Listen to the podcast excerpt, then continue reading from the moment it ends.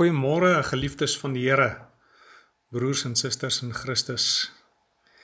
Nou ja, ons is vandag op die einde van hierdie Paasnaweek. Ons is by Opstanding Sondag. En ek vertrou dat jy 'n wonderlike Paasnaweek gehad het tot tot nou toe. Ek vertrou dat jy dit saam met jou familie kon vier en geniet en al het jy hulle net kon Skype of Zoom of bel of watter manier jy ook al gebruik het om met hulle te kon gesels. Hoop ek dat jy dit gedoen het. As julle saam as gesin by die huis was, hoop ons dat julle daar die Paasete saam geniet het. En ehm um, dat ons vanoggend saam kan bly wees oor Opstanding Sondag. Nou wat maak vandag of hierdie Sondag dan of hierdie dag dan so besonders? Wel, as ons bietjie daarna kyk, ehm um, die konsep van die opstanding is eintlik so oud soos die Bybel self. Job praat daarvan, as hy sê ek sal na my dood God sien. Also in Job 19 vers 26. Nou die geleerdes reken dat Job seker die oudste boek in die Bybel is en dat Moses heel waarskynlik die skrywer daarvan is. So van vroeg af, van die vroegste eerste boek af van die Bybel is daar die gedagte en die konsep van die opstanding. Maar Dawid praat ook daarvan in Psalm 49 en e-, eintlik is Dawid een wat profeties daaroor praat ook en dan sonder dat hy ek dink dis besef en Here dit so profeties oor hom gesit het, het hy begin praat oor dat hy verander sal wees wanneer hy um, by die opstanding kom. So praat van 'n verheerlikte liggaam. Daniel praat daarvan. Martha, daar's in die Nuwe Testament, ehm um, toe Jesus vir Lazarus gaan opwek het, toe sê hy Jesus vir Martha, maar Lazarus sal weer lewendig word. En toe sê hy ek glo hy sal weer lewendig word by die opstanding van die van die regverdiges. By die opwekking van die regverdiges. So die konsep van die opstanding is niks vreemds of niks nuuts gewees ehm um, en net eie aan Jesus gewees nie. Dan kan 'n mens ook sê dat daar ook al 'n heelwat mense is wat of 'n paar mense, klompie mense is wat uit die dood uit lewendig geword het. Elia byvoorbeeld het daardie um, vrou se seentjie uit die dood opgewek. Jesus het Jairus se dogtertjie opgewek en die weduwee se seun opgewek. So, ehm um, wat het dan sy opstanding anderster gemaak as hierdie verwagting wat mense gehad het en dan ook uh, hierdie mense wat um, Lazarus self wat uit die dood het opgewek is, nê, nee, al hierdie ander mense wat uit die dood het opgewek is, wat het Jesus sin so besonder gemaak? Wel, die antwoord is hy is die enigste een wat sy eie dood en opstanding kon bekend gemaak het. Hy het vir die disippels gesê ek gaan doodgaan en na 3 dae gaan ek weer opstaan. En hy is die enigste een wat dan sonder dat daar 'n uh, interaksie van iemand anderster was wat uit die dood uit opgestaan het. Hy het homself uit die dood uit opgewek. Jesus het gesê ek het die mag om my lewe neer te lê en die mag om my lewe weer op te neem.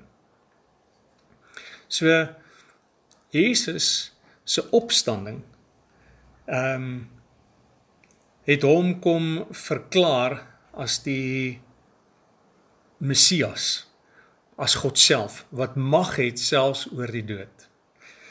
Nou dit hierdie opstanding gebeure het die disippels se lewe radikaal verander. Daarso in Johannes 20 vers 19 en 20 lees ons en daardie sonnig aand was die disippels bymekaar. En alhoewel die deure gesluit was omdat hulle bang was vir die Jode, het Jesus kom en tussen hulle gaan staan en vir hulle gesê: "Vrede vir julle." Nadat hy dit gesê het, wys hy sy hande en sy sy vir hulle. Die disippels was baie bly toe hulle die Here sien. Nou kom ons kyk 'n bietjie na hierdie eerste gedeelte, net dit was Sondag aand.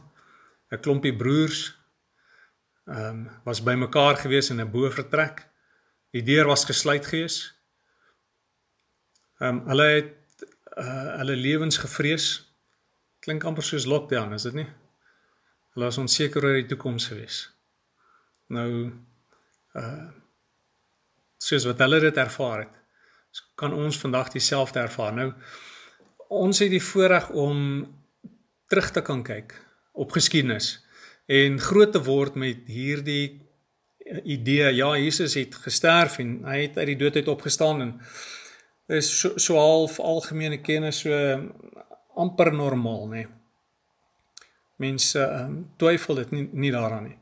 Maar vir die disippels was dit anders geweest.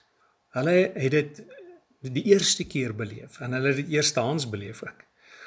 En toe Jesus uit die dood uit opgestaan het, homself aan hulle bekend gemaak het, toe besef hulle maar selfs die dood kan nie hierdie mens, hierdie man terughou nie. Waarlik hy is die seun van God. En dit het hulle lewens begin op 'n spoor sit van vasberadenheid en van opgewondenheid en van uh oortuiging dat Jesus aan hulle kant is en dat hy homself aan hulle kon bekend gemaak het en dat hulle deel aan hom is. Nou die opstanding is dan vir ons daarom die bewys dat Jesus is wie hy sê hy is. En weet jy wat? Hy is dit vandag nog. Hy is vandag nog die Messias. Hy is vandag nog die seun van die lewende God, die enigste waaragtige lewende God. Hy sit vandag nog en ek en jy deel daarin. Ons het daardie selfde hoop wat die disippels het. En nou die disippels gehad het, het ons vandag. Maar ek wil vir jou sê ook dat ehm um, 'n mens moet onthou ons wil nie die opstanding losmaak van die kruisiging en die hemelvaart nie. Die kruisiging, die opstanding, hemelvaart, al daar al daardie gebeure, al drie daardie gebeure het uh hou verband met mekaar. En ehm um, wat mens kan amper sê dit soos dieselfde of verskillende kante van dieselfde muntstuk. Nou Jesus sê in Johannes 14 vers 6 sê ek is die weg, die waarheid en die lewe. En niemand gaan na die Vader behalwe deur my nie. Niemand kom na die Vader toe nie behalwe deur my. So hy is die weg en waarheid en die lewe. Nou kom ons kyk bietjie na die eerste een, die weg. Hoe was Jesus die weg gewees of hoe het hy die weg vir ons gemaak want hy sê ek is die weg na die Vader toe. Nou weet ons ons het mos nou Vrydag hieroor gesels en ons onthou mos dat uh, deur sy verdienste aan die aan die kruis het hy ons vrygemaak. Het hy ons losgekoop. Ehm um, het hy ons die geregtigheid van God gemaak. So hy het vir ons die pad gemaak dat ons by God kon uitkom. Maar Die kruis is dus die die weg. Maar nou kom ons noem daai weg 'n pad, né? Dan sal ek net sê as jy nou 'n pad maak, kom ons sê jy is nou jy het nou 'n 'n maatskappy wat 'n teerpad lê van hier tot in Timbuktu. En jy maak hierdie pad te mooi. Maar daar's geen kar wat op daai pad ry nie. Is daardie pad dan enigsins doeltreffend? uh is dit enigstens die moeite werd is daar geen kar op ry nie.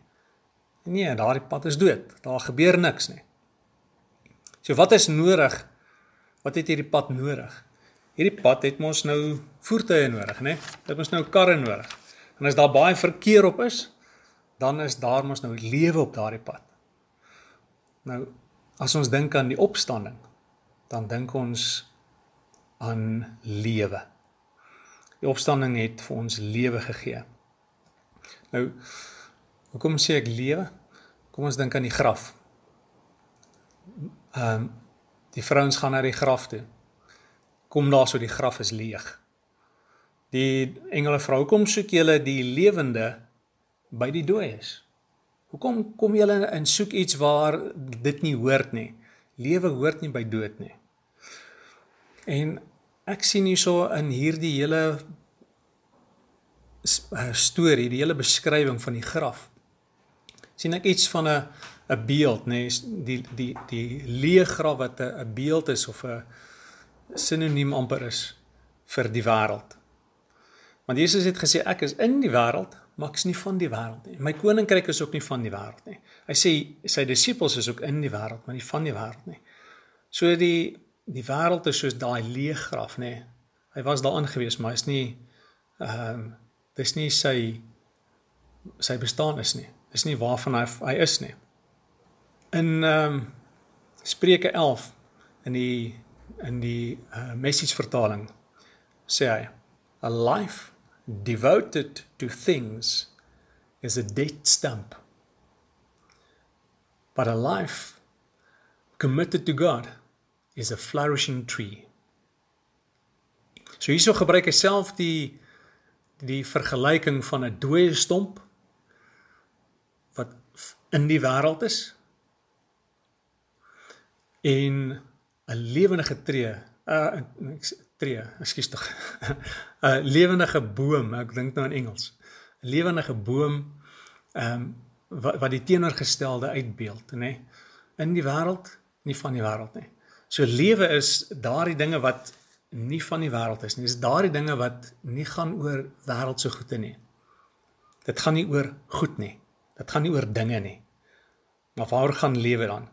Lewe gaan oor verhouding. Watter verhouding? God sê vir ons, die verhouding met hom en die verhouding met mekaar.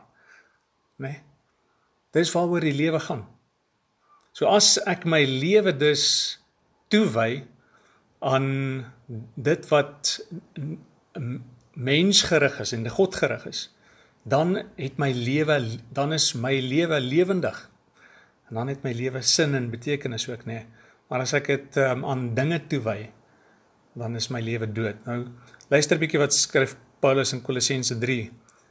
Hy sê: "Aangesien julle saam met Christus tot 'n nuwe lewe opgewek is. Streef dan na die dinge wat daarbo by Christus is, waar hy aan die regterhand van God sit. Laat julle gedagtes beheer word deur die hemelse dinge, nie deur dinge op die aarde nie. Julle is mos saam met Christus of julle het mos saam met Christus gesterf en julle lewe is saam met hom veilig by God weggesteek. Jou vertaling sal sê verborge in God. Nou dit dink ek daaraan. Ons is nou ook in lockdown hè. Ons het 'n geleentheid om uh, uh, ons lewe te laat tel om ons fokus reg te kry. Na die prioriteit reg te kry. Ehm um, na hierdie lewe te kry te kyk nie met 'n bril van verganklikheid nie, maar met 'n hemelse bril, soos hy hierso gesê het. Dan uh, sou ek mos nou hierdie tyd ook ehm um, terwyl ek nou die geleentheid het my laat my lewe laat fokus het op om nader aan God te kom en nader aan my huismense te kom. So as my lewe hierdie laaste ruk nou my nog nie nader aan God gebring het nie. En as dit my nog nie nader aan my huismense gebring het nie. Moet ek myself dalk die vraag afvra. Is ek nie besig om my lewe toe te wy aan dooie dinge nie? is my lewe nie dalk dood omdat ek dit op die verkeerde goed fokus nie. Hoekom is die opstanding belangrik vir ons? Die opstanding is belangrik omdat dit ons die eerste plek 'n hemelse perspektief gee. Dit ehm um, sit ons kry ons prioriteite reg. Dit waaroor hierdie lewe regtig moet gaan. Oor God en oor mense. Nou die opstanding is vir 'n tweede rede belangrik. Onthou ons praat van opstanding as lewe, nê. Ek is die weg, die waarheid en die lewe. Opstanding uit die dood uit. In die tweede plek eh, sien ons dat dit laat my in God se krag leef. Want hy sê hierso in Efesiërs 1 vers 19 en 20. Hy sê mag julle insien hoe enorm groot die krag is wat God gebruik vir ons wat glo. Dieselfde magtige sterkte was ook aan die werk toe God Christus uit die dood opgewek het en hom in die hemel aan sy regterhand laat sit. In Filippense 3 lees ons dan: Maar wat eers vir my 'n bate was, beskou ek nou as waardeloos ter wille van Christus. Ja, nog meer. Ek beskou alles as waardeloos. Want om Christus Jesus my Here te ken oortref alles in waarde. Ter wille van hom het ek alles pryse gegee en beskou ek dit as verwerplik sodat ek Christus as enigste bate kan verkry en een met hom kan wees, vrygespreek Nie omdat ek die wet onderhou nie, maar omdat ek in Christus glo. Dit is die vryspraak wat God gee omdat 'n mens in hom glo. So hierdie eerste gedeelte sê ons sê Paulus nou ook, ek het die regte perspektief. My prioriteit is om God te ken en vir hom te leef. En dan vers 10 sê hy: Al wat ek wens is om Christus te ken, die krag van sy opstanding te ondervind en deel te hê aan sy lyding deur aan hom gelyk te word in sy dood. In die verwagting dat ek self deel sal hê aan die opstanding uit die dood. Nou as ek sê ehm um, hierdie lewe wat van van Christus afkom ehm um, is die krag wat uh, die, die krag wat wat uh, Jesus laat opstaan het. Is dieselfde krag wat werksaam is in my ook. Want ek mos verborge in hom. My lewe is mos ehm um, toegemaak, weggesteek in hom. Nou as daardie krag Jesus dan opgewek het, beteken dit daardie selfde krag is werksaam in my lewe ook. En ek hoef nie op my eie krag staat te maak vir hierdie lewe nie. Die opstanding sê die krag van van God wat Christus uit die dood opgewek het woon in my. En ek kan op sy krag staat maak vir alles wat ek nodig het in hierdie lewe. So dit gaan nie meer om hierdie lewe hierdie lewe te leef met 'n poging om reg te leef nie. Dit gaan nie oor my wilskrag en my vermoë nie, maar dit gaan oor God se krag en sy vermoë. En dis wat ek nodig het en dis waarop ek staat maak. Ek maak nie staat op my uh vermoë nie. Maak nie staat op my vermoë om die sonde te oorwin nie. Maak nie staat op my vermoë om in wysheid te leef en mense lief te hê soos God wil hê ek moet hulle lief hê en my lewe um uit te leef tot eer van hom en te doen wat hy vra omdat ek 'n uh, wilskrag het of omdat ek wil om dit te doen nie. Nee. Um Paulus skryf is God selfs wat in ons werk om te wil sowel as om te werk na sy welwa. Ek moet op hom vertrou. Dan sal sy krag my krag word. En dan die derde ding, hoekom die opstanding belangrik is. Hoekom hierdie lewe wat waarvan die opstanding praat belangrik is. Is dit gee my sekerheid van ewige lewe. Sodat dit maak my toekoms seker en verseker. Jesus is God, né? Nee? En hy het dit deur die opstanding bewys. En deur my geloof in sy verdienste aan die kruis is ek nou in hom weggesteek. En niemand kan my nou uit sy hand uit ruk nie want hulle sal eers by hom moet uitkom. sien julle hierdie hierdie beeld? Ek is weggesteek in Christus. As iemand by my wil uitkom, moet hy God self aanvat. Die vyand kan my nie daar kry nie. Mense kan my nie daar kry nie. Ehm um, omstandighede kan my nie daar bykom nie. So ek weet my toekoms is verseker. My toekoms is verseker vir nou en my toekoms is ook verseker vir die ewigheid. Want God, Jesus Christus leef mos nou tot in ewigheid. Hy gaan mos nou nooit weer sterf nie. Paulus skryf daarvan in 1 Korintiërs 15. Sê hy kan nie meer sterf nie. So ek kan nie meer sterf nie. En dan verstaan ek nou 1 ag Johannes 3 vers 16 wat sê want so lief het God die wêreld gehad sy enige gebore seun gegee het elkeen wat in hom glo nie verlore mag gaan nie maar die ewige lewe kan hê. Dis my lewe. Ek het ewige lewe. Ek hoef nooit meer te worry daaroor nie. Dis nou myne. Nou ek het gekyk na Jesus wat sê hy is die weg wat deur die kruis gekom het. Hy is die waarheid. Hy is want hy is die enigste lewende God en die lewe. So dit is hy wat lewe gee ook hier op aarde. Nou ek wil bietjie hierdie net as afsluiting oor hierdie gedagte van waarheid praat. Hy is die weg, hy is die waarheid, hy is die lewe.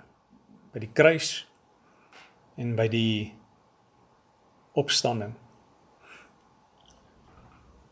Maar hierdie waarheid waarvan Jesus nou sê hy is, is die waarheid dat hy die enigste waaragtige God is. sien wanneer mense probeer om hulle hoop van dooie goed af te kry, dan leef hulle in 'n leuen van daai goede kan nie red nie. Die waarheid is daar's net een God. Daar's net een lewende God.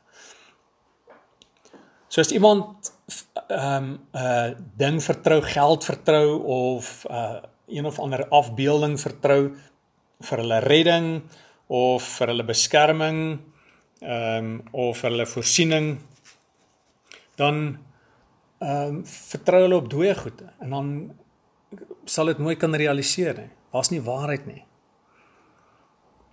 En wanneer God dan sê, Jesus dan sê ek is die waarheid, sê daardie waarheid vir ons dat hy is die enigste een wat kan beskerm. Hy is die enigste een wat kan red. Hy is die enigste een wat kan voorsien. Hy is die enigste een wat ehm um, enige nood wat ek het kan ehm um, gee, enige vertroosting wat ek nodig het kan gee. Ehm um, enige hulp wat ek nodig het kan hy verleen. Hy is die enigste een. En dan wil God graag hê dat ons hom sal vertrou vir hierdie dinge. Want hy sê mos daarso in in die 10 gebooie, dan sê hy vir Israel: "My volk, julle moet geen ander god naas my hê nie. Want ek is die enigste God. En jy mag jou voor nie voor hulle nie neerbuig en hulle nie dien nie. En jy mag ehm um, hulle nie op op hulle vertrou nie. So die Here sê vir ons, ek wil graag dit vir julle wees. Ek wil vir julle redding wees, voorsiening wees, beskerming wees. En al daardie dinge praat van liefde. So lewe gaan saam met liefde. So hoekom is die opstanding belangrik? Gee my die regte prioriteit. Gee sit my hemelse bril op. Laat my in God se krag leef. Ek vertrou op sy vermoë wat so groot is dat die dood dit nie eers kan oorwin nie. Dit gee my sekerheid van ewige lewe. Dit verklaar God as die enigste een wat my werklik waar kan lief hê en niemand anders te kan my lief hê nie. So lief hê nie. Is dit nie 'n wonderlike wete um en 'n rede om die opstanding te vier nie?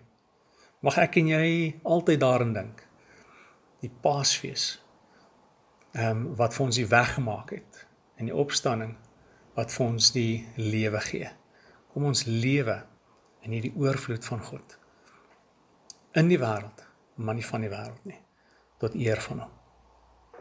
Amen. Nou kom ons dank die Here ook. Vader, ons wil dankie sê in Jesus naam dat U ons liefhet met 'n ewige liefde. Dankie dat U vir ons die vermoë gee om hierdie lewe te kan leef. Dankie dat U ons die vermoë gee om ons prioriteite reg te kry ook. En U sê vir ons wat ons prioriteit moet wees. U sê vir ons in die 10 gebooie wat ons prioriteit is. Ons moet U lief hê met ons hele hart. Ons mag geen ander gode voor U hê nie. Ons moet U naam nie uitelik gebruik nie, maar ons moet erns maak met die grootheid van wie U is. Ons moet die Sabbat eer en heilig Ons moet dit anders hanteer as ander dae omdat U wil hê dat ons rus sal kry. Dat ons moet fokus en ingestel wees om ook daarin net ons tyd af te sonder om naby U te wees, om aan U te dink, om verhouding te bou met U. En al die voordele wat U daarmee saamgee vir ons ook. Here, U wil hê dat ons na ons ouers moet kyk, ons moet hulle eer. Jy sê as ons dit doen, sal ons lank woon in die land wat U vir ons gee. Ons moet um, hulle versorg. Dan sê vir ons ons moenie doodslaan nie. Ons moenie met um, on, ons hande fisies mense se lewens bedreig en vat nie. Maar ons moet ook nie met ons monde so uh, so praat dat mense voel hulle lewens is niks werd nie. Hulle lewens tel nie. Ons moet hulle nie afkraak en en beledig en verkleineer met ons monde nie. Ons moenie doodslaan nie. Ons moenie egbreek pleeg nie. Ek wil hê dat ons ons man of ons vrou sal eer en dat ons die huwelik sal beskerm. Dat ons daardeur ons kinders en ons huisgesin sal beskerm sodat dit die fondasie sal wees waar 'n gesonde samelewing opgebou sal word. Ons moet dit van die begin af doen. Ons moenie um, valse getuienis gee nie. Ons moenie uh leuns vertel nie. Ons moenie skinder van ander nie. Ons moenie begeer, mense se dinge begeer nie. Sodat ons ja daardeur jaloers sal wees nie. Here, dis die prioriteite wat U vir ons gee. Mense lief te en U lief te. Dankie dat ons op U krag kan staatmaak om dit te doen. Want die opstanding gee dit vir ons. Ons wil leef in hierdie opstandingskrag met die regte prioriteit, ingesteldheid. Ons is op pad. Hierdie lewe is maar ons is maar net bywoners, maar ons is op pad na ewige woning saam met U. En Here, dankie dat dit vir ons 'n sekerheid van ons toekoms gee. Niemand kan ons nou bykom nie. As U vir ons is, wie kan teen ons wees? Nie COVID-19 nie, nie ehm um, mense nie, nie regerings nie, ehm um, nie vyande nie, nie engele nie, nie bose magte nie. Niks kan ons skei van die liefde nie. Ons lewe is verborge in Christus. En U skerm vir ons. Het U lewe vir ons gegee sodat ons kan lewe en dit in oorvloed hê. Dankie Here vir die lewe wat U gee. Amen. Mag die Here jou seën En um, mag jy die res van hierdie Paasnaweek ehm um, uitermate geniet. Onthou, dink daaraan. Laat hierdie lockdown jou nader aan God bring en nader in jou huismense bring. Ons kry dit, ons maak dit ons prioriteit in hierdie uh, laaste ruk wat voorlê. Ons weet nie hoe lank nie, maar die Here gee ons geleentheid. Hy laat alles ten goeie meewerk vir ons. Die Here is met jou. Hy seën jou. En ek wil jou ook vra ehm um, moenie on vergeet om ook vir ander seën te wees nie. Amen.